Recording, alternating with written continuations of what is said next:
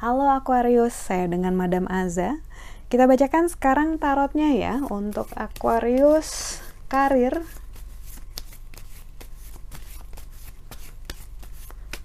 Oke, kartu yang keluar adalah Tower.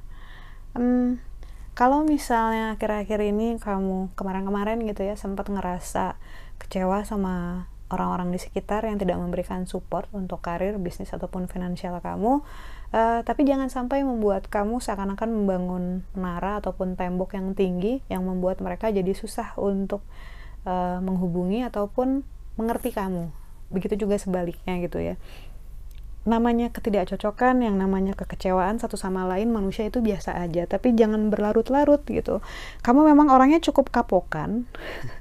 tapi dalam hal karir ataupun bisnis ya sebaiknya jangan uh, ditandain aja orangnya boleh gitu tapi jangan memutuskan hubungan karena nanti di masa depan pasti akan saling bermanfaat kok satu sama lain gitu so uh, jangan ketinggian kalau bangun dinding ya nanti orang lain susah kalau misalnya mau nyolek kamu uh, gimana pun juga karir kamu bisnis finansial kamu kan untuk long term jangan sampai terputus hanya karena uh, rasa tidak enak yang cuma sedikit itu untuk percintaannya Aquarius,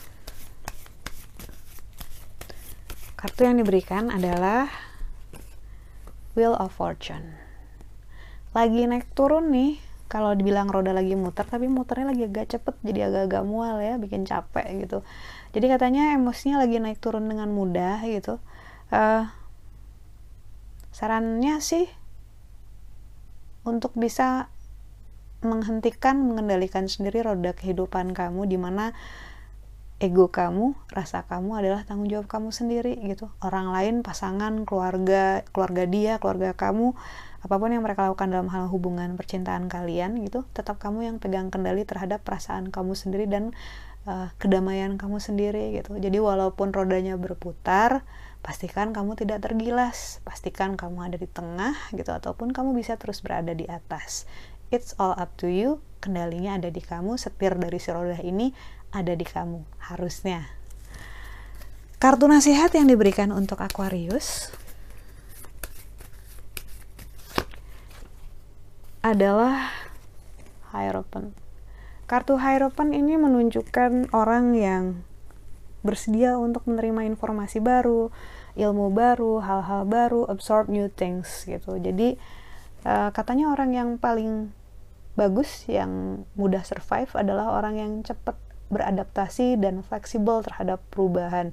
Ditaruh di mana aja hidup gitu. Dimasukin di komunitas ataupun kelompok mana aja bisa berbaur. Itulah orang yang bakal survive. Nasihat yang diberikan untuk kamu adalah satu tangan di telinga satu tangan di kitab Torah. Kitab Torah ini ilmu pengetahuan pengalaman ilmu gitu ya. Dibilangin bahwa jangan pernah merasa cukup Jangan pernah merasa bahwa kamu sudah mengerti atau memahami semuanya, baik dalam hal karir ataupun percintaan gitu. Selalu mendengar dengan tujuan untuk memahami, untuk mendengar untuk mengerti, bukan mendengar untuk sekadar menjawab ataupun menunjukkan ke orang lain, eh saya lebih tahu loh gitu. Nggak seperti itu. Jadi uh, selalulah bersedia untuk mendengar, jadi pendengar yang baik.